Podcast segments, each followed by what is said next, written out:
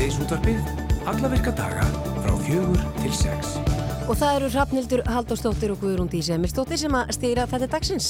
Mikið hefur borðið á því að nettsvindlarar beiti fjárkún í nafni lauruglunar og það er reynd að hafa fjö á fólki með því að senda því tölubósta, hóta ákjæru og nafnbyttingu í fjölmiðlum í tengslu við barnaklám og kynferðisbrott. Við viljum að heyra í Marju Rún Bjarnadóttir, hún er verkefnistjóri í Stafræðins ofbeldis hjá ennbætti ríkis, ríkislauruglustjóra og eftir viljum að spyrja hana nánar út í þetta nettsvindl. Það verður risastór sapnarasýning haldinn í Garðabæðum helgina en sýningin Nordia 2023 verður í Íþróttahúsinu Áskarði og byrjar þar á morgun. Verðmætti sapgripa hleypur á hundruðum miljónar króna og það verður sérstök öryggiskesla viðhöfði Áskarði af þeim sögum alla helgina.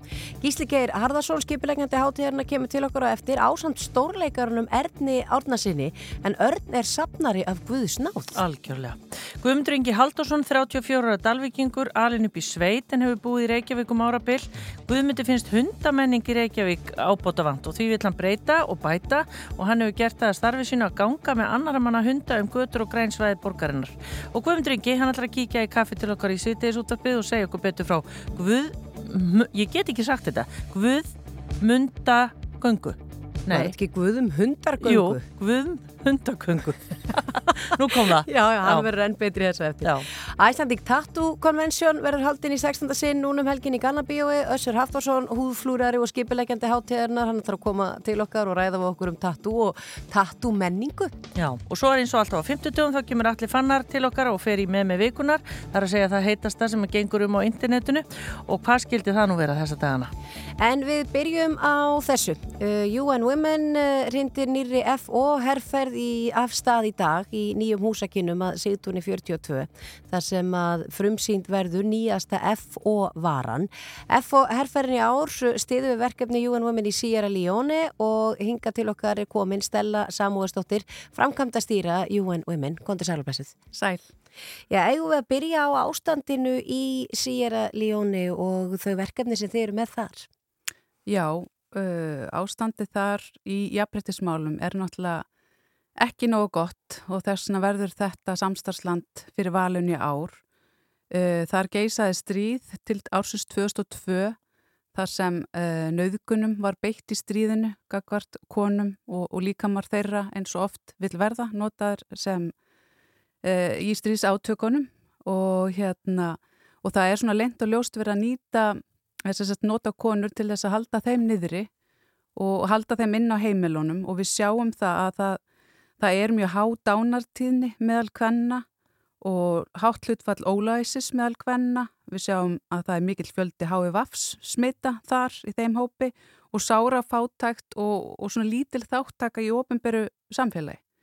Og svo er þetta, þetta kynbundna ofbeldi sem við erum alltaf að tala við og F og herrferðin okkar gengur alltaf út á að vekja aðtegli á því hvernig sko konur eru beittar ofbeldi og í rauninu sjáu það heimilið er sko hættulasti staðurum fyrir konur og stúlkur í eh, Sierra Leone og, og það sínir, eða tölutna sína okkur það að 61% kvenna á aldrinu 15 til 49 ára hafa verið beittar líkamlega ofbeldi og giftar konur og stúlkur eru líklegastar til að vera beittar ofbeldi og 83% kvenna og stúlkna á aldrin 15-49 ára hafi verið limlestar á kinnfærum. Þannig að við erum svolítið svona beina aðtekla þessu og, og, og vonumst til þess að varningurinn ár stiðji við þessi verkefni sérstaklega sem vinna gegn kinnbundnu ofbeldi og hérna að við getum stutt mögulega við rekstur svona one-stop miðstöðar sem veitir þá konum e, þjónustu bæði sálfræðilega aðstóð, lögfræðilega aðstóð og allt sem því fylgir og, og þeirra sem eru þólendu kynbundus ofbeldis. Mm. Þannig að það er svona okkar von og, og mikilvægt að styðja þennan málarflokk og við ákvaðum að velja sér að ljón í ár vegna þess að, að skrifstofan okkar það er ekki mjög stór og við viljum hérna, styðja hana til góðra verka og svo núna í ári bakkjarlinn okkar auðaríkisáðunettið sem styrkir okkar herrferð og þau hafa starfað í þróunarsamvennu síðan 2018 í Sierra Leone. Þannig að við viljum svolítið svona vekja aðtekla á því hvað við erum að gera saman og, og hvað hva, hérna, það skiptir miklu máli að, að fjármunni frá Íslandi styðji við svona verkefni. Já. En hvernig er þetta verkefni skipilagt? Hvað eru þau að gera? Meina, þú komst með svo flotta húi, það er eitt að því. Já, einmitt. Núna í dag eru við sérst, að opna F og herrferðina með nýjum varningi sem í ári er F og derhúfa. Alveg mjög flott og ég sá úti núna að sólinni fann að skína loksins, eitthvað sem við verðum að býða eftir Þannig að hún er mjög góð í sólinni og nú er allir að detta í sömarfrí, fyrst í júni og hvort sem það var sólarigning, þá nýtist hún okkur og leiðir af sér gott líka að styrkja við verkefnin. Mm. Þannig að vegna þess að auðvörgisáðuniti er bakkjarl okkar í þessu verkefni, þá getur við láta allan ágóða renna til þessara verkefni í Leone og það er okkar markmið að sapna sem mestum fjármunum eins og við höfum gert undanfarin ár, við höfum sapnað meira en 100 miljónum úr F og herrferðum til verkefna viðsverum heiminn. Og, og bara síðasta dæmið fyrra þá söpnuðu við e, kringum 13-14 miljónum sem fór í hinseinsjóð, UN Women, við heyrum nú endalust fréttur um það hvernig er verið ver, ver, bakslag okkar í mannréttendar, hvort sem það er jafnréttis eða málefni hinsegin fólks, að þá munu þeir peninga nýtast til þess að marka nýja stefnina saminuð þjóna í hinsegin málefnum. Ja. Þetta er gríðarlega mikilvægt og sínir árangurinn af okkar herrferðum og hvaða er mikilvægt þetta fjármagn sem okkar bakkjarlar og, og stuðningsfólk og ljósberrar er að veita okkur. Þið hafi áður verið með eins og F og Vettlinga, þið hafi verið með prjónahúur eða ekki rétt munað mm -hmm. og núna er það þessi derhúa. Uh, hver tekur ákvörnum um þetta og þurfið ekki að senda eins og eitthvað gáma þessi til dæmis austur í goðaðrið þar sem er 22 gráður og, láta selja þar? Klárulega, sko, við erum að fara norður á morgun það er að fara einhverju kassar til Akureyra á morgun þannig að hvet Akureyringar til að fylgjast með og hérna svona pop-up þar og ég held að við þurfum klárlega að hugsa um Östurlandi líka. En það er náttúrulega bara svo frábært fólk sem starfar hjá Jón Viman í Íslandi kynningarteim og fjáröflun að hérna þær eru alltaf með puttan á púlsunum og svo í ár þá spurðum við líka okkar hérna fólk á samfélagsmiðlum hvaða varning þau vildu sjá. Og þá er eftir að lista uh, derhúfa. Þannig að við bara bröðumst við því ákalli og tísku varningur og allir geta tollaði tískunni og þetta er mjög gott fyrir miðaldra fólk til að fela gráuhárin hérna, og alls konar já, þetta. Og svört er hún, það er náttúrulega tilnætt smartara. Nei. Í golfið, í lagsveiðina. Á fókbóltamótin, þetta er svo, sko hægt að nota þetta viðsvegar, þannig að ég hvet fólk til að fjárfesta. Og hvar verði þið? Hvar eru sölumenn? Þannig er þetta að kaupa þetta á heimasín okkar, unwomen.is, hvet alla til að fara þanga inn og panta og fá einhvert sendt heim til sín eða sækja til okkar í Sigtún 42, en svo erum við alltaf með þetta á F og Party á eftir, klukkan 5 til 7, þannig að við verðum á staðinum til klukkan 7 í dag og það er alltaf að fagna og gleðjast, þó þetta sé alvarlegt málefni, þá bara fyrir okkur sem erum alltaf að vinna í þessu málaflokki, sem er svolítið erfiður, þá verðum við líka að gleðjast yfir litlu framfara skrefanum og sigrónum og við hefum svo ótrúlega marga bakkjarlar sem stiði okkur við þetta parti að halda svona gleði dag sem ger okkur kleift að blása til veislu. Hvaða hús er þetta? Þetta er öryrkjabandalagshúsið. Já, já. Er fallega hús á milli ásmyndasaps og gamla blómavall sem er núna bara hérna, grunnur og á að fara að byggja þar en þetta er á besta staði laugadalunum, sólinn skín og við höfum tjálta öllu til og lofum stöði og að fólk getur komið og, og keift sér og stutt þar með þessi frábæru verkefni og mikilvægu verkefni. En svo segið, það er svo mikilvægt að Ísland síni á alþjóða vettvangi e, stuðning þar sem ríkir ekki eins mikið jafnbretti eins og hjá okkur að, að við látum okkur það máli skipta. Já. Þannig að við hvetur sér flest að kíkja í Sigtún 42 á eftir núna millir 5 og 7, næla sér þessa fínu húu og gleyðjast með ykkur Stella Samúðsdóttir Frankúta Þýra UN Women. Takk fyrir komuna. Takk hella fyrir.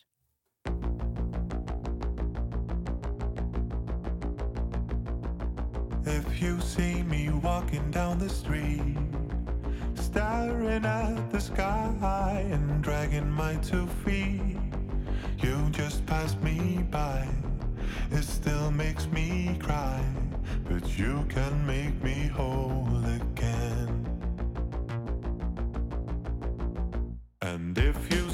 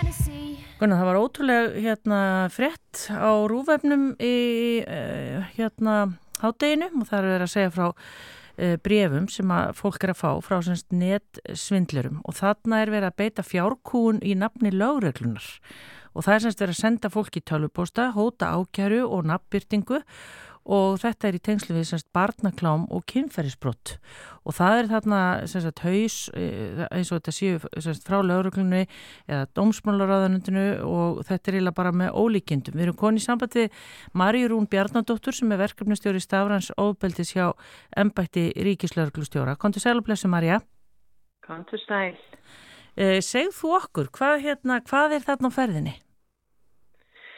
Þetta eru svona það sem er oft kallað vefveiðars eða fishing, þar sem að ef eh, verið að reyna að fá, fá fólk til þess að borga eh, eitthvað peninga með því að plata það, reynilega.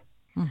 Og, það sem okkur finnst alltaf óhefnilegt er að það sé verið að, að látast vera lauruglan og ég held að það sé rosa mikilvægt að ítrekka það að lauruglan myndi aldrei senda svona skilabóð.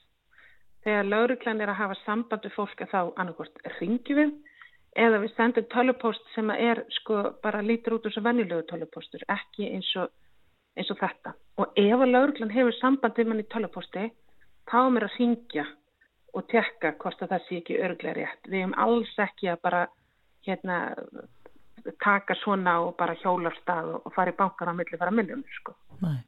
En þetta er, ég var að lesa sko brefið þetta hljóma eða sérst íslenskan er mjög góð þarna. Mm. Sko gerfigrindin e, eins og hún er nú spennandi og færir okkur alls konar spennandi tækifæri að þá færir hún auðvitað líka e, glæbamönnum spennandi tækifæri og eftir því sem að íslenska gerfigreindin eh, verður betri að þeimin auðveldra eru auðvitað að nota hana í, í svona líka. En, en það er mjög oft hort á það sem svona merki um að eitthvað getur verið e, phishing postur eða ekki. Það er svona, svona liðlega íslenska og við sjáum það svo sem í mikið af þessum brefum að þá er svona það, þeir hafa nú ekki kynnt sér vel sko til dæmis stopnana uppbygginguna í, hérna, í stjórnsystkynnu á Íslandi þú þurfa eitthvað að bæta það hjá sér því að það er svona gefnar upp skringilegar upplýsingar og svona mm. en, en heilt yfir þá er þetta hérna þá, þá er það þannig að þetta getur verið villandi fólki gæti langt í því að trúa þessu en, en, hérna, en við bara hvetjum fólk til þess að taka öllu svona með fyrirvara ja lögurlega myndi ekki hafa samband með þessum hætti. Nú er maður heyrt um það til dæmis að fólk hefur verið að fá frá postinum og einhverjum öðrum stopnunum en það lítur að vera já, einstaklega alvarlegt að fólk sé að fá frá einhverju stopnur eins og lögreglunni sem að, já, við treystum á og trúum já, og, og, mm. og er síðan aðeins sem er að halda upp í lög og reglu. Mm. Já og það er refsivert að þykast vera lögreglun. Það, það er, almennt er það ekki refsivert að þykjast vera ykkur annar en það er refsivert að þykjast vera löglan sko. Þannig að það gerir það virkum að við tökum þessu ekstra alvarlega.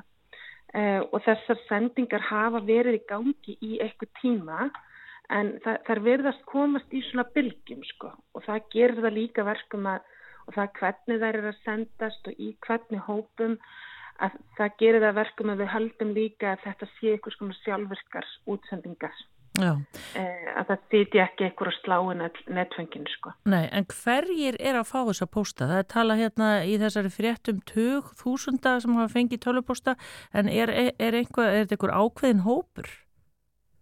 Ég, sko, ég þóru nú ekki alveg að fara með töluna en þetta er, þetta er stór hópur Um, það verðist ekki vera eitthvað svona alveg einlíkt munstur í því en okkur sínist að samt vera þannig að þetta sé í stafrósröð þannig að þetta sé ykkur sem er með aðgang að mikið að netfengum og sé svo bara bunga þau út bara núsandi og táuð og núsandi og þessi nánast sko þannig að hérna, það, það er eitthvað sístem í galskapet þarna hjá þeim sko Já, en í þessum tölupóstum er til dæmis sagt að viðkomandi verði skráður sem kynferðisafbrótamaður og honum er bóðið að gera upp máli með því að greiða segt, annars verðan ákerður og nabbirtur í fjölmjölum.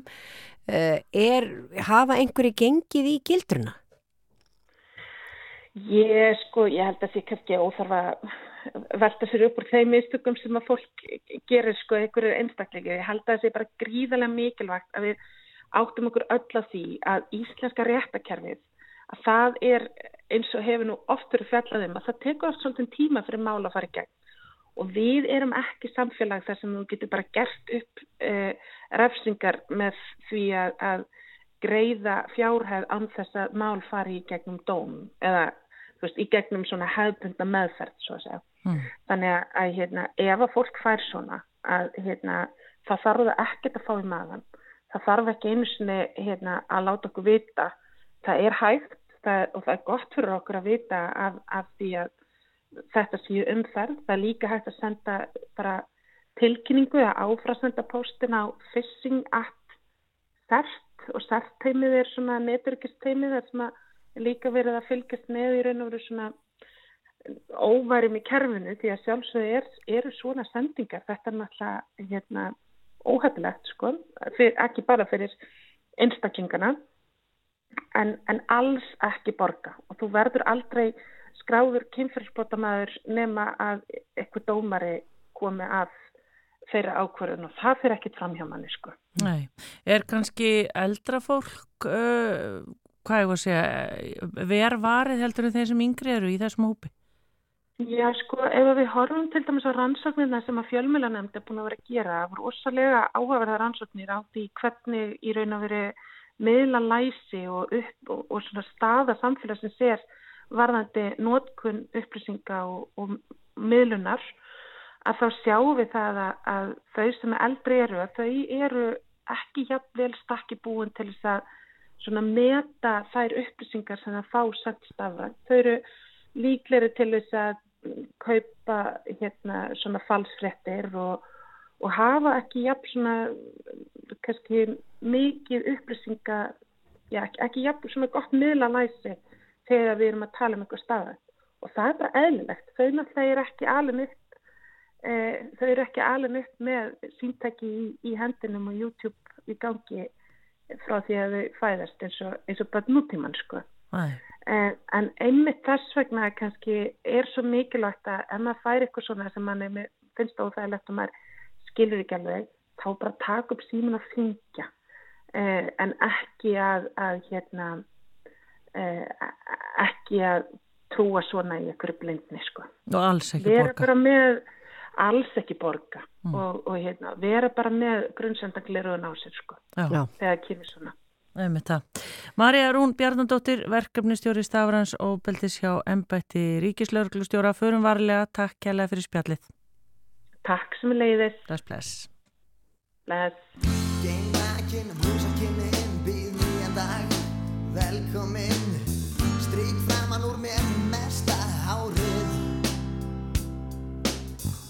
Norðangarinn fengið mér um kollin á þér sem þú liggur á grúfu, andar að þér flóru landsins. Frelsið er hindislegt, ég gera það sem ég vil. Skildri maður verða leiður á því til lengdar að vera til. Frelsið er hindislegt, ég gera það sem ég vil Skildri maður verða leiður á því til lengdar að vera til? Fullt af mold sem lyktar annars ágætlega. Getur fólk átt erfitt með að tala? Samt segir þú mig sannlega frá öllu sem þér í brjósti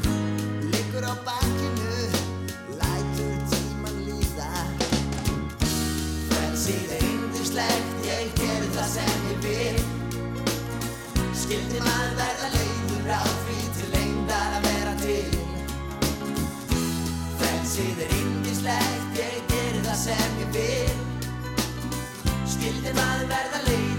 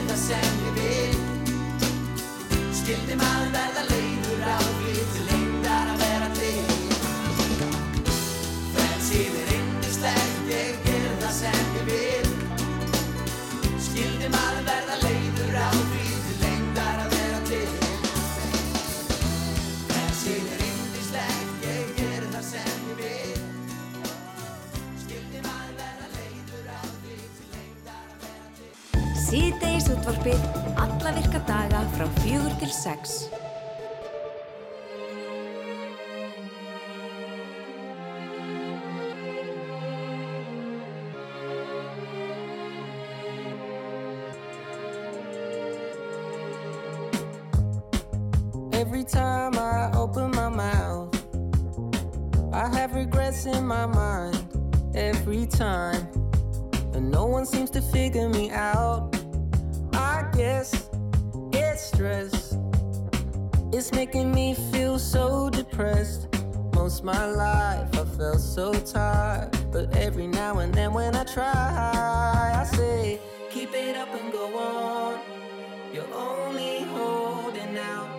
What you want. You no longer owe the strangers. It's enough. It's enough. Keep it up and go on. Yeah, you're only holding out for what you want. I know that it's so frustrating. It's enough. Keep it up. Now I'm here and I wish that I wasn't. I'm in a place in front of a dozen people I've never I don't know if this is correct. Uh, I guess I'm blessed. I never give myself respect. Most my life I'm asking why. But anytime I give it a try, I say,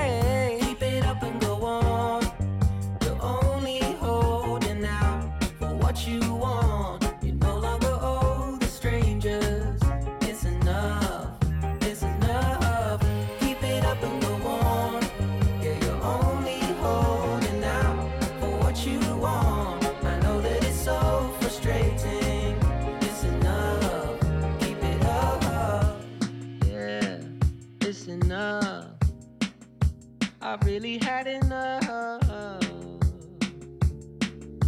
Paid the price, I'm done. No, keep it up and go on. You're only holding out for what you want. You no longer owe the strangers. It's enough. It's enough. Keep it up and go on.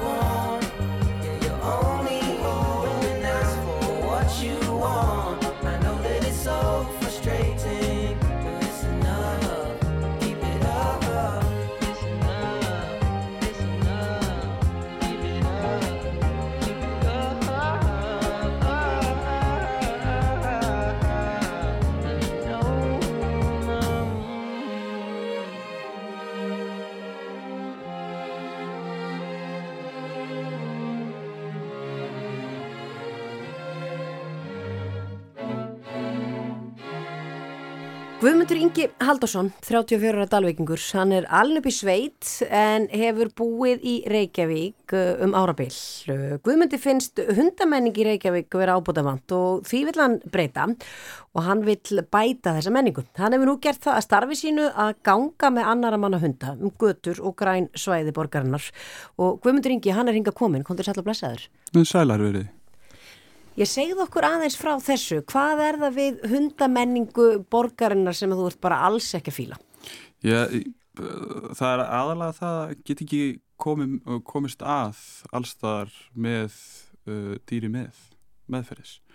Um, það eru ímsi staðir sem bjóðu upp á það vissulega uh, og þá miðsvæðis í Reykjavík. En svona svo breyting sem að ég myndi vilja bara fá að sjá í, í framtíðinni væri það að að menning, hundamenningi myndi bara opna svolítið fyrir inn á þá veitingastadi og hótel og, og hvert sem hún getur farið. Já, því eins og þú veist ef við berum okkur saman til dæmis bara við, við Svíþjóð eða önnur Norðurlönd þá er, eru hundar leiðir allstaðar nema annars þetta ekki fram. Já, en hvernig sko hjálpar tú, þú til í því, þessari mm. baráttu með því að fara út og ganga með hundana? Nú, vera sínilegur ganga með hunda og hérna, vera ábyrgu gagvart hundunum og hérna uh, og það er bara fyrsta skrefið í áttina að þessum breytingum. Nún er ég bara komið með fyrir innan uh, bæði sam, uh, hunda samfélagsins og hunda menningarinnar og það er bara fyrstu skrefin og ég, ég geri það og besta leiðin í raun og veru inn eins og ég get best séða er að kynast sem flestum hundum og aðtöga hvernig og getur maður kannski fengið einhvers konar meðaltal af, af, af líðan hunda í Reykjavík. Það er svona gróft. En uh, og þú veist og ég veit að það er fullt, fullt á ótrúlega flottum hundaegundum og það er bara þetta veist að, að bjóða upp á meira aðgengi og þessi og sérstaklega þá líka að bjóða upp á þá þjónustu. Og þjónusta er bara þjónusta gagvart hundum uh, á bylinu 8 til 4 eða 9-5 sem er svona þessi helsti vinnutími uh, að sá tími er oft illa nýttur með hundum Mm. og, og margir uh, maður hefur heyrt um leiðilega mörg dæmi þar sem hundar eru að býða í 8 klukkutíma á dag eftir að fá að fara út að pissa sko. Ég hef alveg velt þessu fyrir mér að því maður er alveg séð í stórborgum úti og maður hefur séð þetta í bíómyndum og svona, það eru hundalabarar uh, sem eru bara með fullt af hundum og ég hef verið að velta þessu fyrir mér, er ekkert svona á Íslandi? Og, Meina, ert þú fyrstur Já, með veit. Já, með þennan business og veist, af ég, ég veit að ég er ekki fyrsti maðurinn til þess að ganga með annar manna hunda á Íslandi. Nei, en ég er vonandi að, að, leggja línurnar og svona eins og ég segja á ennskunni að pave the way eða leggja grunninn að nýri uh, starfsgrein já, að gera þetta starfi Já, og það er svona mín von og helst að trúa því að ég get ekki einn séð um alla hundara en, en ég get hugsað mjög marga hunda. Hva, ég ætlaði að mynda að spyrja það, hvað er ekki takmur fyrir því hvað getur fara út að labba með marga hunda? Ég, ég er svona, ég er að takmarka mig við fjóra hunda Uh, ég get all, alveg farið upp í sex en það er náttúrulega fyrir líka eftir hundum í hvað- einu þá Já. Já, þannig að, en eins og alltaf þú í þínu starfi, þú ert Mhm. ekkert með þessa fjóra til sex hunda þá allan daginn, þú ert, Nei. þá að skoppa á milli hverfa átt að ná í þessa þarna og með Yes. þessa í klukkutíma og, Já, ég sem býð upp á hálftímagöngur og klukkutímagöngur og það eru bæði stakar og áskrift og það er annars vegar sagt, stök hálftímaganga er á 3000 krónur stök klukkutímaganga er á 5000 krónur og svo erum við með áskrift og þá gengi ég með hundinn eða hundana alla virka daga, alla mánuðin og annars vegar í hálftíma það er 40.000 klukkutími alla virka daga út alla mánuðin það er 60.000 já, já. Eh, Guðmundur, þú ert að labba þá bara fleiri, fleiri, fleiri kílometra. Ég er ekki ert að mæla það ennþá. En ég, er sko, ég er mjög til í þetta og, og þú veist, ég, ég vann uh, áður sem, um, sem þjóttn og reyndar vinn enn sem þjóttn á veitingastæðnum Jómfrúin og, og, og þar er gengið rosalega mikið og þar er ekki bara 8 klukkutíma ganga, það er 12, 13, 14 klukkutíma ganga. Þú ert í góðu formi. Gönguformi, skulum við segja. Ég ætla ekki að fara að taka neitt í keppni, sko. En aðeins aðeins þar í hundamenningu hér á landi, allir við séum komið svona stutt á veg af því það er bara stutt síðan að við fórum að fá alls konar tegundir af hundum, yngar smáhunda og aðra sem að kannski er, já, kannski viðræðanlega að fá inn í vestlanir og veitingastæði heldur en að vera kannski með 70 kíló dýr. Já, já, algjörlega en, en svo finnst mér í raun og veru mér persónulega finnst stærðin á dýrin ekki skipta neinum máli. Hundur er alltaf hundur alveg sem að hvort hans er pínlítið Chihuahua eða Santi Bernes Mm. og svo lengi sem að uh, dýrinu hafa verið læðar þær línur að, að þetta er hundur í manna heimi ekki hundur út í sveit ekki hundur uh, sem er bara á, á vergangi þú ert hérna þarf það að vera síðaður hundur veist. og það er svona, hvað maður að segja uh, civilized Já. Já, já. Uh, og, og þá þarf að leggja bara x línur og, og, og mörg við hérna, dýrið Já, og þú náttúrulega vantarlega finnur eins og skot hvort að það sé vel hugsað um þetta dýr eða hvort því líði vel. algjörlega, algjörlega og það er, þar kemur taumurinn bara sterkurinn sko. Ah. taumurinn er svo miklu meira heldur en bara stjórnunartæki þetta er samskiptatæki og þetta er traust þetta er, þetta er svo gríðarlega margt heldur en bara það að draga hundin eða láta hundin draga sig þannig að þú veist, þetta er tengingin þetta er raunverulega, herru, núna er við saman úti að lappa og ég skal sjá um það að þér líði vel í göngunni og hugsa um það að engin trublið Mm. skilur ég, þá tek ég stjórn á öllum aðstæðum og, og, og þá er þetta bara lítið málu sko.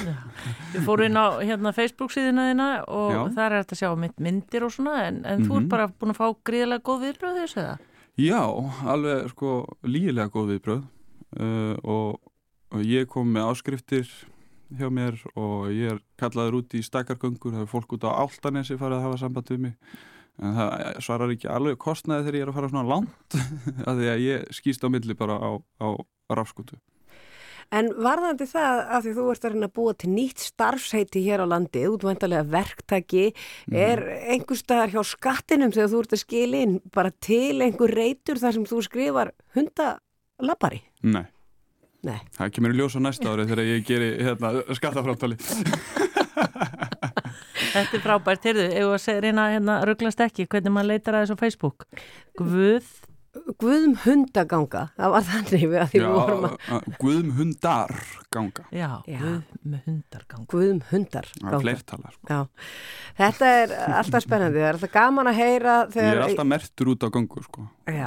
Er ef að fólk sér mig það má endilega taka mynda mér og, og, og, og taka mig í, á Instagram eða Facebook Guðmundur Ingi hundalabari, takk fyrir að koma til okkar og lega okkur að skiknast inn í þennan heim og, og eh, segja okkur frá þessari nýju starfstjett. Takk fyrir, takk fyrir og að taka á móti mér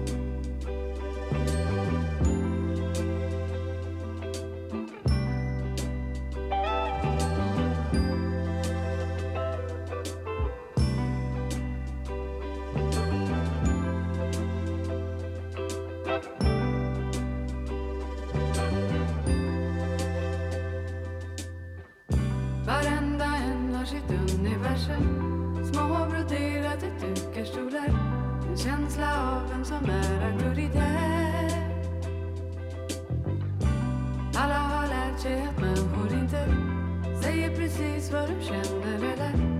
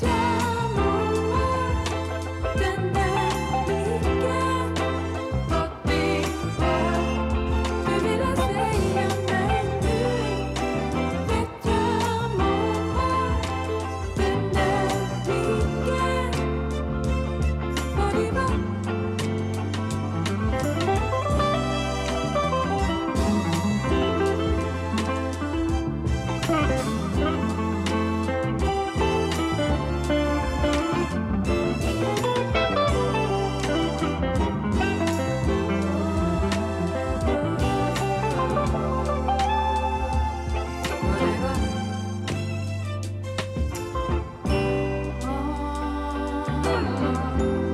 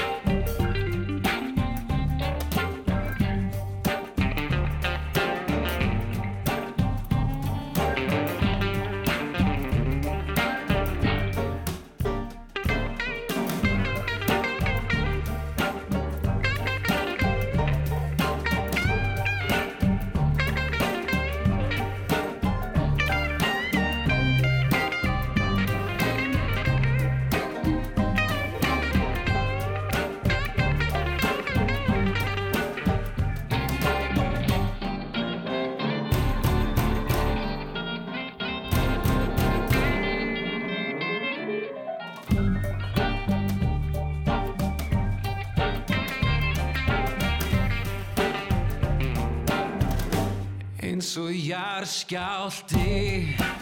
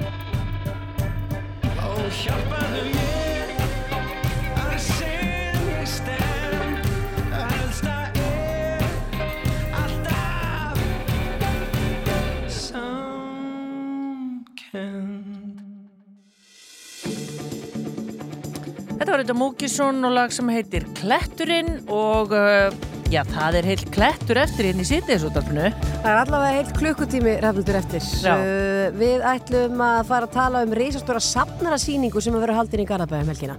Sko það er til fólk hérna sem safnar ótrúlegustu hlutum. Bara ótrúlegustu hlutum og ég, með safnara ég er svo gaman að þeim. Já. Að því þe- þeir tengjast náttúrulega tilfinningabundum, alls konar hlutum sem við kannski hinn tengjum ekki við. Já. Það er eitthvað svo fallegt. Svo ætlum við að tala hérna um tattúr ástefnu á eftir og uh, svo er að með með vikurar. Já, hvað skildur nú vera að sveima um á internetinu uh, en ég átti þetta að spyrja þig sko, hefur þú safnað einhverju í gegnum tíðina? Safnaði servitum. Þetta segi ég bara. Ég safnaði servitum. Já. Gerðu Og þú hvar er ekki? kassinn? Hann er, uh, náttúrulega ég hendi þessu síðan því að vita því. Safnaði þú ekki servitum? Nei. Hvað er þetta að segja? Ég hef ekki þólum að þið neitt svona. Nei, ég safnaði í frímerkjur ekki smá tíma. Það var nú, já, fljótt að fara sko. Meiru þetta á eftir. Þú ert að hlusta á síðdeis útvarpið Á Rástvö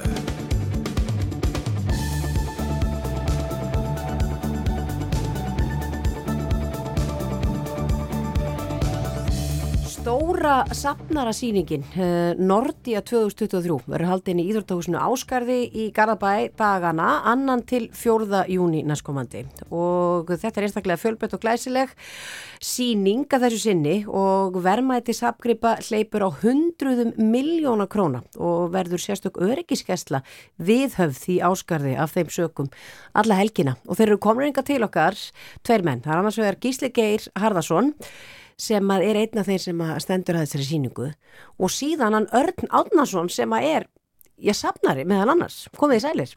Komdu sælblössuð. Gísli, við byrjuð þér. Hvað hérna fyrir þá sem er ekki inn í þessum heimi, hvað, hvað er þarna á ferðinni? Þetta er samnáransýning sem flakkar á milli Norðurlandana og er haldin á Ísland á fimm ára fresti.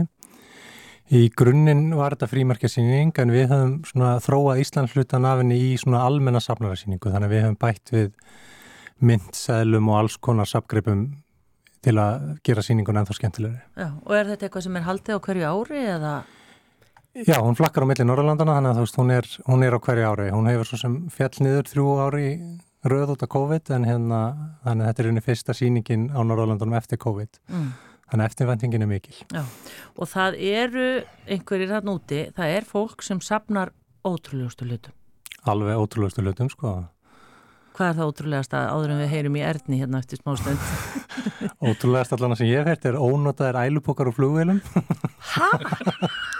Ég er orðlös. Nei, hættir.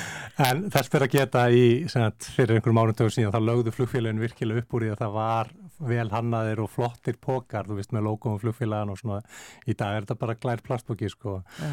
Þannig að, hérna, já, það er allan það fruðlasta sem ég veit að hafi verið safnað. Og var það íslensku sapnari? Þetta var elendur safnar en hann var að safna pókum frá öllum heiminum þannig að það voru íslenskir pókar í því safni. Já. En, en ég menna, er þessi síning, þú veist, er þetta, verður þetta að vera verðmæti eða hvernig er þetta eiginlega hugsað? Nei, sjálf sér ekki, sko, þú veist, það er bara hérna, við reynum að hafa hana bara eins fjölbreytta, sko, í frímerkjulutunum er þetta svo sem, er þetta samkeppni, þannig að það er verið að dæma söfnina eftir punktakerfi, þannig að þetta er svona eins og íþróttamót, ef við getum sagt hérna þannig, þannig að hérna, Þannig það er bara dæmt út frá ákveðnu samt kerfi og þú veist, þú getur verið með ódýrt, ódýrt efni og þú getur líka verið með rándýrt efni því að sum söfnin annar hlaupa á 100 miljónar sko. Já. Er það verðmættasta sem að til er, er það í formi frímerkja eða hvað? Það eru væntalega einstöku gripinni sem eru dýrastir á síningunni eru, eru frímerki, já, og Já. svo eitthvað, eitthvað að seðlunum líka. Einmitt, heyrum aðeins betur af hérna, því sem að, þarna verður til sínis. Örn, þú ert eh, sagt, að sapna og búin að gera lengi hérna, leikaramyndum. Segð þú okkur? Já, þetta eru svo kallar Teofani uh, myndir, eða kendar við Teofani sem voru síkaretur. Og uh, árið 1930 þá var uh, innfluttinsverslunarnafni Þóruður Sveinsson sem ákvaði efna til fegurðarsankefni uh, á þann hátt að hann let taka myndir af íslenskum stúlkum sem hann svo setti inn í síkaretupakkana og síðan áttum henn að senda inn það, þá mynd sem að þér þótti vanlegust eða fallegust og svo sem að hefði fengið flestar myndir, eða myndi fá flestar myndir, hún myndi sigra og fengi sem sagt verðlauna afhendingin eh, fór fram á alþingisháttíðin 1930 á Þingvöllum og þá voru heilar 500 krónur sem að ég ganni slóin svona núvirði ætti að vera svona yngstur millir 150 og 200 þúsund krónur Mm, sem viðkomandi fekk í verðlaun.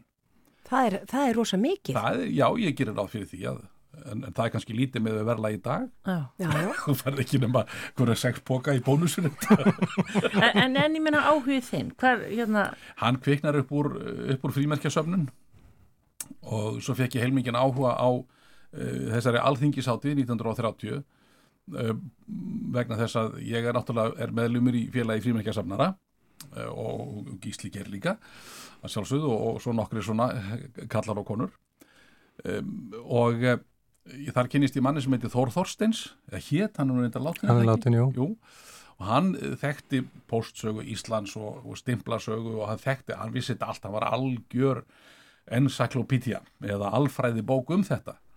Og þar segir hann mig frá þessu fyrirbæri með alþingisáttíðina sem er svona pínlítið svindl vegna þess að þarna 1927, ég ætla að gera langarsögustutta Já. 1927 hafa eh, menn samband við eh, post, eh, hvað maður að segja eða alþingisáttíðanefndina og spyrja hvort að þeir með ekki leggja til að láta framleiða frímerki sem, uh, sem átt að heita alþingisháttíða serían hvort að þeir með ekki leggja það til og jújú jú, það nást einhverju samningar í kringum þetta en svo var framleitt miklu miklu meira af þessu heldur en óska var eftir. Þannig að þetta var ekki, ekki fölsun heldur pínlítið svindl. Og mér fannst þetta svo spennandi og, og áhugavert vegna þess að þetta er svona bara eh, eins og Gísli hefur nú sagt erindar að, sko, að í svona söfnun er líka sko, eh, sagfræði Mhm. maður er að velta fyrir sér ímsum hlutum.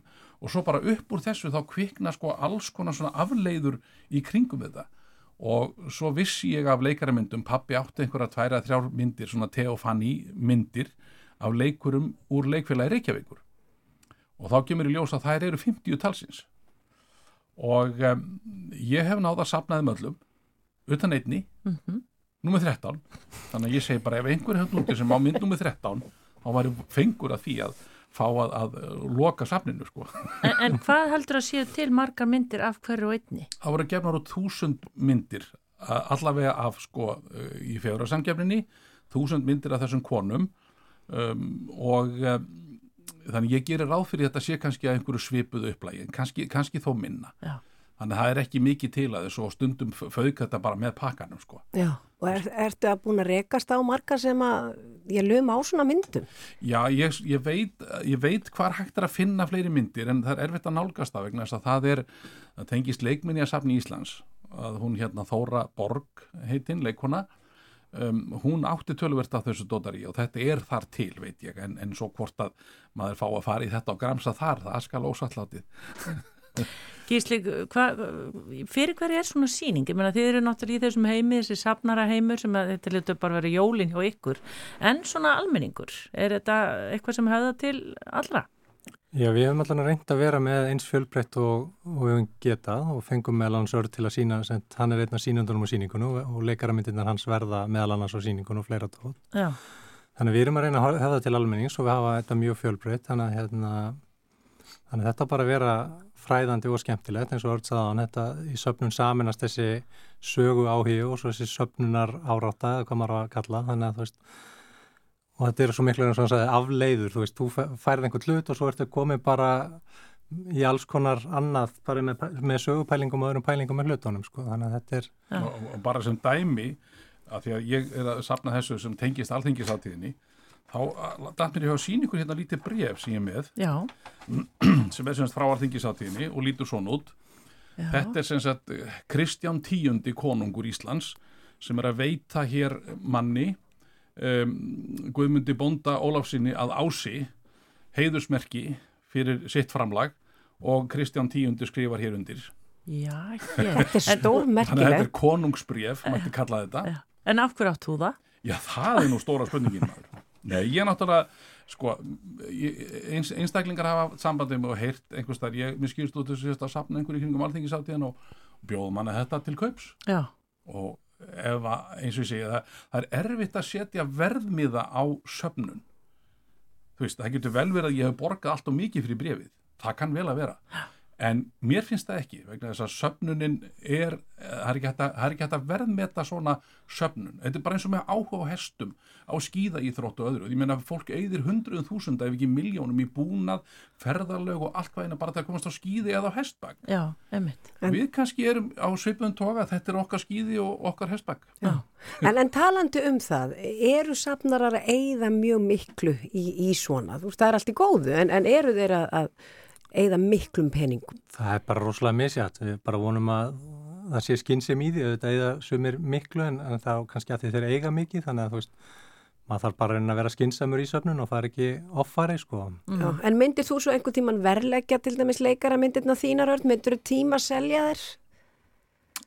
Ég veit það ekki, nei, ég hugsa ekki, ég myndi frekar gefa það, sko. Já.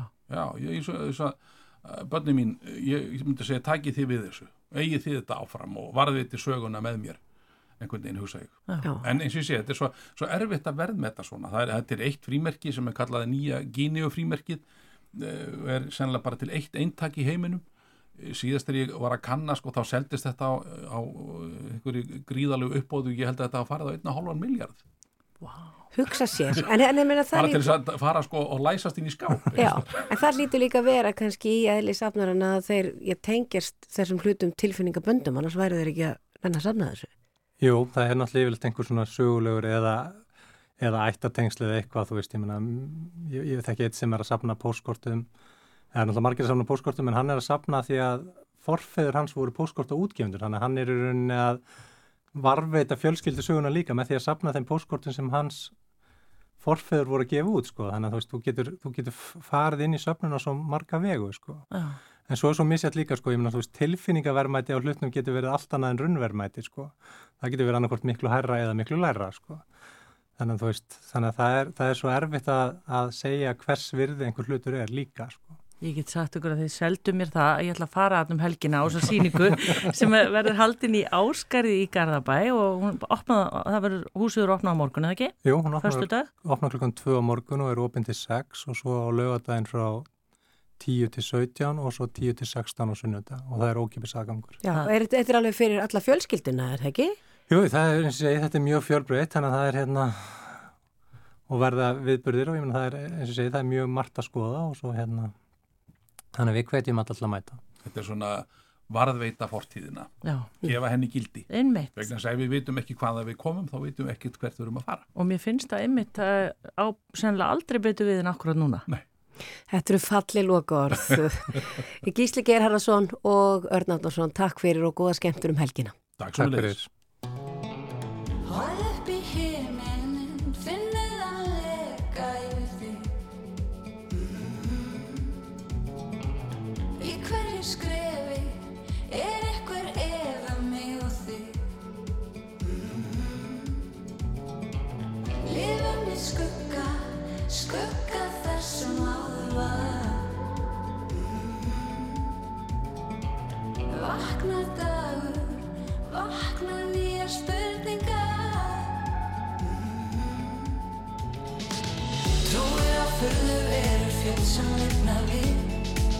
Fljúandi furðu hlut og guð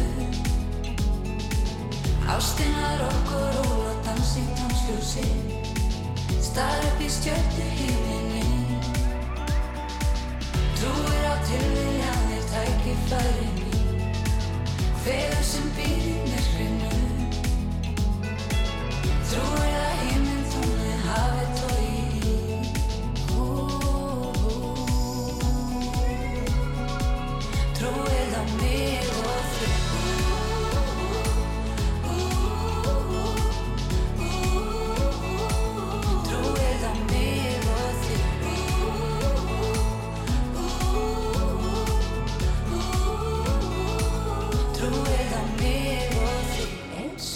draugar erum við ósýnileg.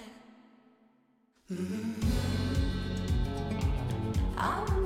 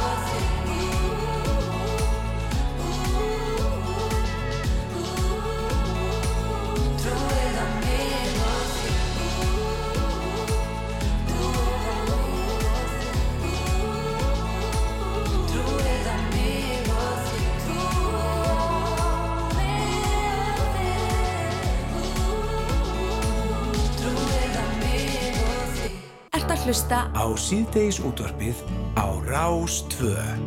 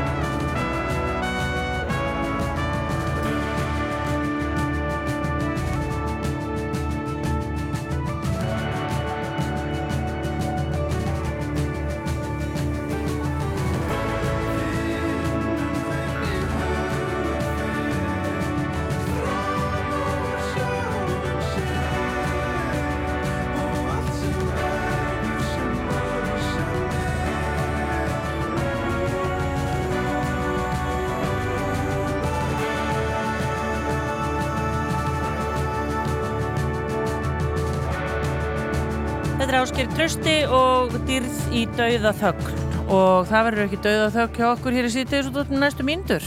Nei, alls ekki. Það er ekki bara stór safnarasýning um helgina, það er líka reysastór tattoo-hátíð. Icelandic Tattoo Convention verður haldið í 16. sinn.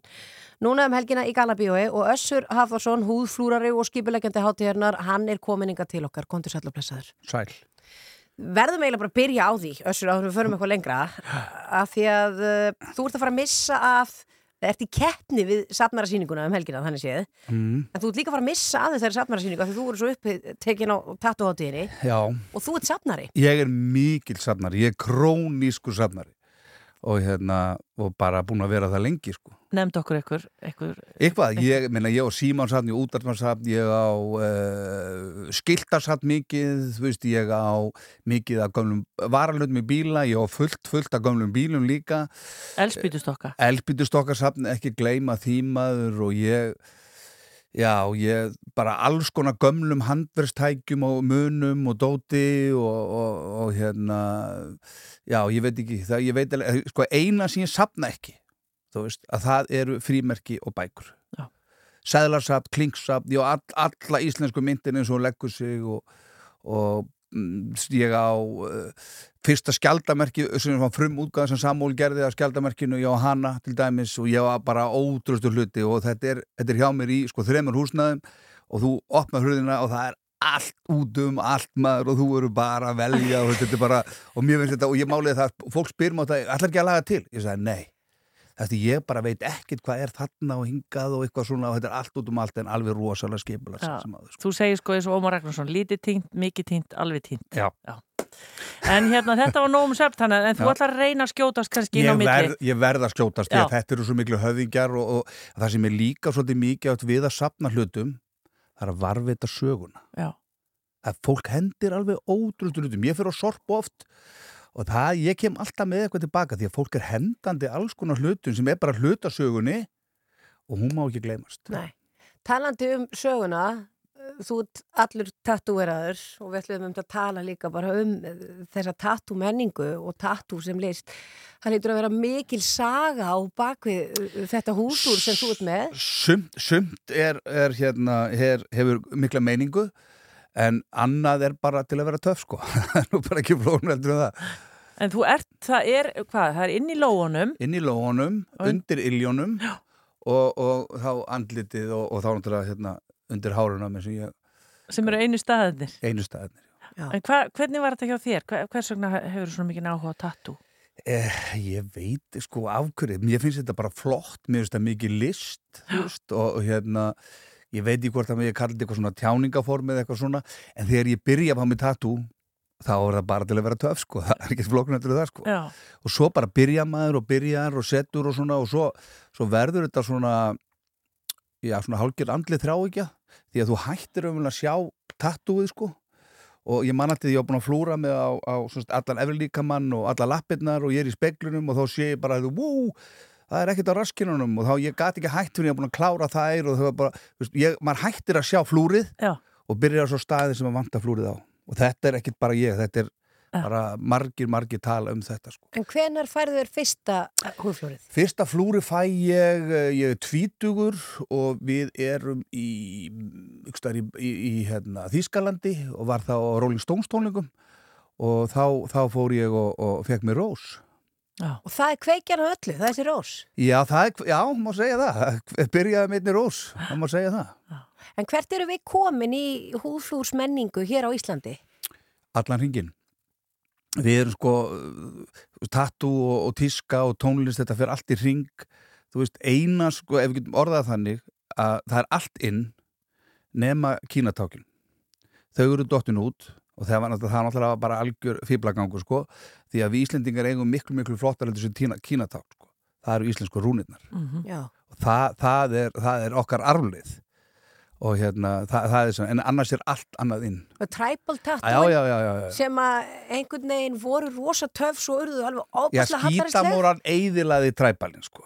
og svo glemdist þeir og svo er þeir aftur orðinu töff og þá er træbal orðið aftur töff sko. Þetta komir hing. Þetta kom, það fyrir allt í ring En eru það er ekki allir samt eins og þú sem að þurfa að flúra allan líkamann? Nei, nei, nei, nei, Og nei, það nei. er allt fallegt í þessum bransa? Já, ég meina það er veist, ástæða fyrir að fólk fær sér flúr getur verið mismunandi Já. þú veist, ég meina þú veist, fólk fær sér flúr kannski nöfnun á börnunum eða pappa sínum eða þú veist, afinn var mikil sjómaður og fær sér akkiri og er kannski ekki með neitt neitt annað heldur en það Nei. þannig að það er bara allur gangur af því það er ekkert allir sem eru alflúraðir en ég get lofað samt því að flestir ungir menn og unga konur líka sko, ending game er alltaf allt Já, einmitt. það er bara svona, svo flúrin sko, sumir eru bara að koma í heilu bakstykkin heilu ermarnar og þeir byrja bara svoleiðis þeir byrja ekki á einni, einni rún eða einni rós sko. Færðu einhvern tíma fólk inn til þín sem að er með flúr sem að bara hefnaðist ekki og þú þarf bara að bjarga. já, Það, það er mjög algengt það er svona tvent, það er uh, fólk sem fyrir Teneríf, blindfullt og fær sér eitthvað sem það sér eftir. Og svo líka eru þessi sem við svona er kallað heimaflúrar fólk sem fer á YouTube og, og hérna sér eitthvað sniðut og fer og panta sér vél og, og fer síðan að flúra eitthvað vittlisu Fólk er að gera það? Fólk er að gera þetta, alveg eins og kaupir sér gítar og heldur að geta spilað á gítar, sko, þetta er bara sama.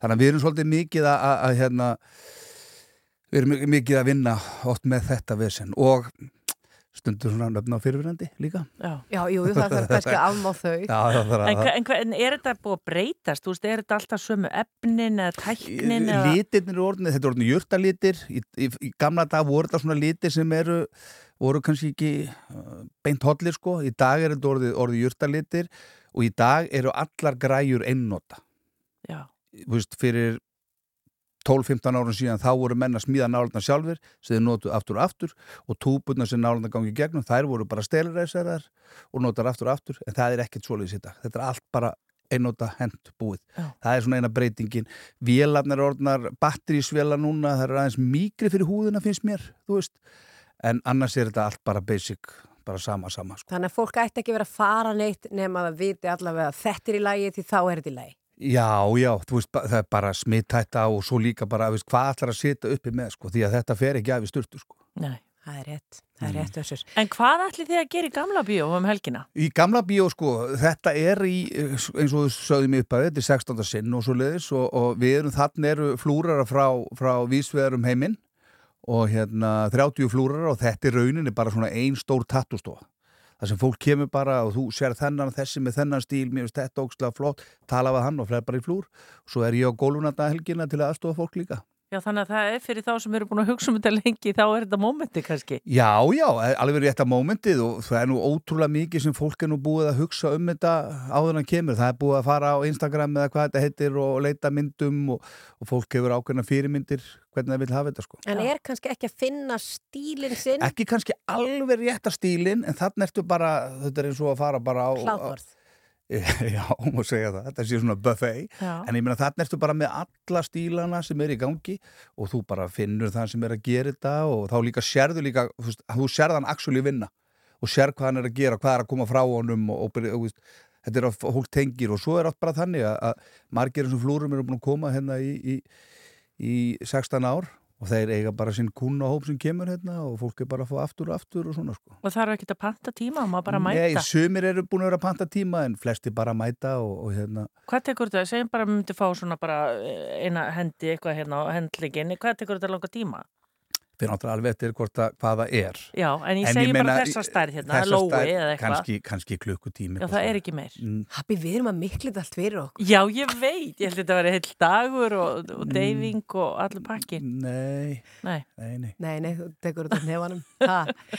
He, ok, gamla bíó um helgina. Opnum á fössudaginn klukkan 2 á morgun Já. og opið til 10 svo er það lögadaginn opnum við 12 og opið til 10 og svo sunnundagur frá 12 til 6 og bara allir velkomnir og allt til að taka börnin með og smita þau Já, já, þetta er bara, maður fara bara að skoða. Já, já, já Og svo rekst þetta bara mjög vel með safnari síningunni, en þú ert opinn mikið lengur. Fólk getur gert bæði og kostar ekki neitt. Algjörlega er ég, ég, ég, ég, ég, ég er svolítið fúllað að sé akkurat á sama tíma því að þetta er Þetta eru miklu höfðingjar sem eru þarna störfum þar. En það er hægt að gera bæði. Ekkert. Össur kannski, ekki en, en, en samt Össur Hafþórsson, húflurari og skipilengi Icelandic Tattoo Convention sem verður í Gana Bíói um helgina bara takk fyrir komin og góða skemmtun Takk fyrir mig.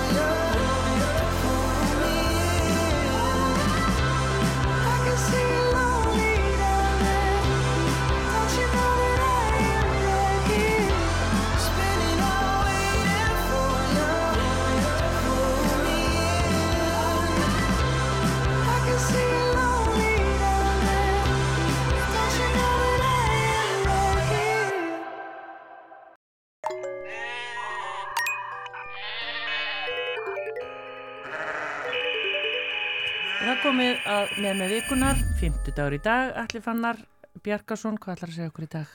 Já, það er nú spurning. Sko, mér veist pínu fyndið hvernig svona þessi, þessi mým eða með með stundum svona dett af himnum. Það er einhvern veginn, það er einhvern veginn, eh, maður veit aldrei hvaðan það kemur af hverju allir að horfa á þetta núna og svo er þetta bara veginn allt í hennu út um allt.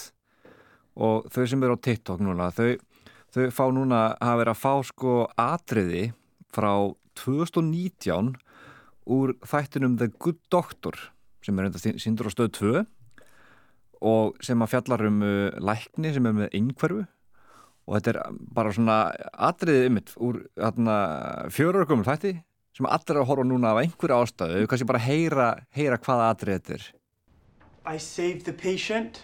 I deserve to be a surgeon. Dr. Murphy. Dr. Hahn, I want my old job back. You keep doing well, and over time, we can build to you having more responsibility. No, I'm a surgeon. I am not leaving your office until you reinstate me. What are you doing, Sean? Do you think ordering me to do something will change my mind? Do you really think it's a good idea to try and bully me? I am a surgeon. I am a surgeon. Do you realize that you're proving my point? That you're acting immature, showing that you don't know how to communicate and you can't control your emotions. I am a surgeon. But you do have a talent that I value. So I'm gonna give you one last chance to maintain your dignity and leave my office. Now. Because if I have to call security, you understand that I'm also gonna have to fire you. I am a surgeon. I am a surgeon. I am. I am a surgeon. I am a surgeon. Dr. Hahn, I am a surgeon. Já, þetta var sem sagt uh, í þættinum Dr. Sean Murphy sem er leit- leikinn af Freddy Highmore að, að hrópa á kollega sinn sem heitir eh, Dr. Jackson Hahn leikinn af Daniel Dye Kim og er að öskra hann I'm a surgeon, ég er skurðlæknir og með, með miklum tilfinningarlegum tilþrifum. Og af einhverjum ástæðum fór þetta brot inn á TikTok og var, það var horta á þetta bara í bara 20 miljonar skipti. Og eins og gerist með svona, með svona memi að þá einhvern veginn verður samhengi bara eftir á, eftir einhvern veginn. Og enginn veit af hverju og hvaða aðrið er, svo margir sem bara höfðu ekki svona hortan og þáttir og horfa á þetta og setja þetta einhvern veginn í sitt samhengi. Þannig að þá er eins og við gerist alltaf með memin þú skrifar eitthvað um þitt eigi líf og þá er þú allt í norðin þessi persóna sem er að öskra á læknin og er að vill láta taka sig alvarlega eða eitthvað svoleiði sko. Mm. og mér fannst bara svona, fyndið þetta vegna þess að þetta er bara einhvern veginn, það var svo handahófskent hvernig þetta allt í einu, af hverju er þetta allt í einu gripið einhvern veginn? Og hvað gerist svo, að hana þe- þetta fer bara einhvern veginn á flug, fer á TikTok þaðan á, á, á, á, Twitter svona fer þetta svona leið milli samfélagsmiðla einhvern veginn, allir eitthvað að grína með þetta og þetta er sett inn í bíómyndir, það er búið að setja þetta aðrið inn í Batman og Avatar klippið veginn sama við. Allir að hlæja að þetta er þetta hádramatist aðrið og ekkert fyndið og og svo verður þetta eins og við mátt tala um áður að fólk verður aðeins að fá að rífast um þetta svo þetta fari ennþá lengra. Og þá vaknar allt í einu umræðan um þess- þessa þætti The Good Doctor hvort að þau sé að sína fólk með einhverju réttu ljósi eða ekki. Fólk að gaggrina fyrir þau hvernig þau sína fólk með einhverju og, og fólk að svo að taka upp hanskan fyrir þau, hei, svo, það er alltaf læði, geti ekki sett allt fólk með einhverju undir einn hatt, fólk með einhverju er alls konar, þannig að hann getur alveg tekið þessu svona þó að þetta sé ekki almennt kannski leið þess, þeirra sem eru með einhverju til að taka á hlutunum eða eitthvað svona, Mm. fer þetta allar hringin út af, kannski, út af einhverjum einum datt í hug að setja þetta inn á TikTok svo fór ég inn á, inn á Google aðan og ákvað að prófa, er þetta búið að gera eitthvað svona með áhugan á The Good Doctor. Þessi þáttur eru ennþá í loftinu. Ég held að sjötta séri að sé að klárast núna bara í mæ uh, erlendi, eh, já bara hér og þar og hann og áhorfið hefur svo sem alltaf bara svona eins og oft með svona þætti, þeir byrja rosa vinsalir og svo hefur svona dalað hægt og rólega bara gegnum tíðina, er ennþá bara nokkuð vinsal, en er, er þetta búið að gera eitthvað? Og þá er þetta bara búið að skjóta þættinum upp á Google bara að fólki er rosa miklu meira áhuga á The Good Doctor núna. Og það er búið bara núna í mæ er bara, er bara fór línur þetta bara bup, upp. Já. út af því að, því að einhverju dætt í hug taka eitthvað gamalt atrið úr, þættunum, setin á TikTokið sitt. Þaðan bara á fullkomlega óutskýralum ástæðum fyrir þetta eitthvað flug og allt í hennu er kannski kannski var, voru þið bara að kaupa sér aðra seríu þarna, kannski var verið að hugsa já, ættum kannski ekki að vera framlega með þessu? Þetta er svona þetta að fara að dala, en, svo er allt í hennu kannski bara komin áhugi, ég veit það ekki sko. Þetta er ótrúlega, en allir gætu við til dæmis á Íslandi, við þrjú Já. gætu við gert eitthvað svona? Ég Já, svona bú, við- já, búið til eitthvað sem að, sem að, ge- sem að svona, svona með mig eða þannig. Já. sko, búið til, það er einmitt, er alltaf svolítið trikki, það, við höfum talað um áður þegar fólk er einmitt að búa svona til og svo er, er aðna, eru netverjar sem að benda á kannski að þetta sé falskt, þú veist, fólk hefur verið að reyna að búa til svona og sumir eru með aðgang á TikTok sem bara snúast um það, bara búa til eitthvað sem verður svona, verður svona, aðna, fer á flug og jafnvel að frettamiljar takit upp og, og svo fattar einhver að þetta er, er, er falskt og þá er það, það líka frettir og eftir að búa að horfa á þetta miljarskipt þannig að, þannig já, það er alveg hægt en þetta er alveg, það er svo erfitt það, er- eru svona það er engin, engin ein formúla bak við þetta og sko. svona erfitt að segja hvað nærflugi Já. og af hverju Einmitt, þannig við þyrftum, en við þrjú myndum alveg ætla að fara að gera svona, við myndum kannski fara að eh, ta- taka einhverja rekki á andra freyja, við myndum við myndum kannski fara að leika þú veist, eins og væri fali myndavel eitthvað staðar og við erum eitthvað stórt á götu og hann og myndum stöða slagsmál við þrjú hérna, eitthvað svona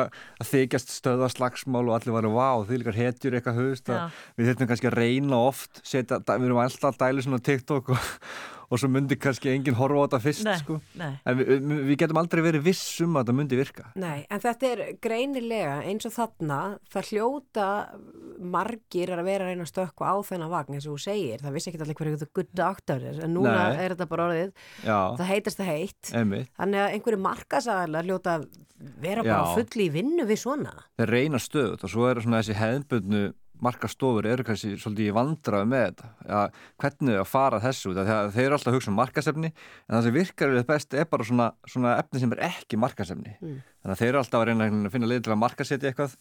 Þannig að veist, en fólk vill bara fá alvöru efni. Þannig að, þannig að það er svona þetta er rosalega erfitt að út af því að, sérst, út af það er ekki beint formúla þannig sérstaklega að það er að nýta þetta til, til, til að selja eitthvað að þá einhvern veginn þarftu einhvern veginn að búa til efni sem að fólki eru umverulega áhuga á en ekki bara einhvern veginn til þess að selja eitthvað. Eins og Já. hefðbundin auðlýsing var bara hérna er góstrykkur kiftan en það virkar ekkert eins vel einhvern veginn eh, þegar þú ert með samfélagsmiðluna þar sem þú þarft eiginlega að segja eitthvað allt annað, bara segja eitthvað sem fólki eru áhuga á, segja einhverja sögu og þá vona að það verði til þess að fólki hafa áhuga því sem þú ert að selja og endanum kaupið einhvern veginn. Já, ég að er- ég allavega get ekki búið til rekt og myndi ná eitthvað, ég, ég þyrfti allavega að fá einhverju meiri hjálp en frá ykkur Já, við, það, við kannski erum líka bara dálítið gamlar ég held, ég held að þurfum einhver ung og ferska í þetta. Já. og núna er það gutt doktor, eins og segir heitast heitt, örglega hjá unga fólkinu. Nú er allra, allra að googla þetta. Já. og svo fara kannski fleiri að skoða fyrstu seríunar Mhm. og, og svona, en þetta er,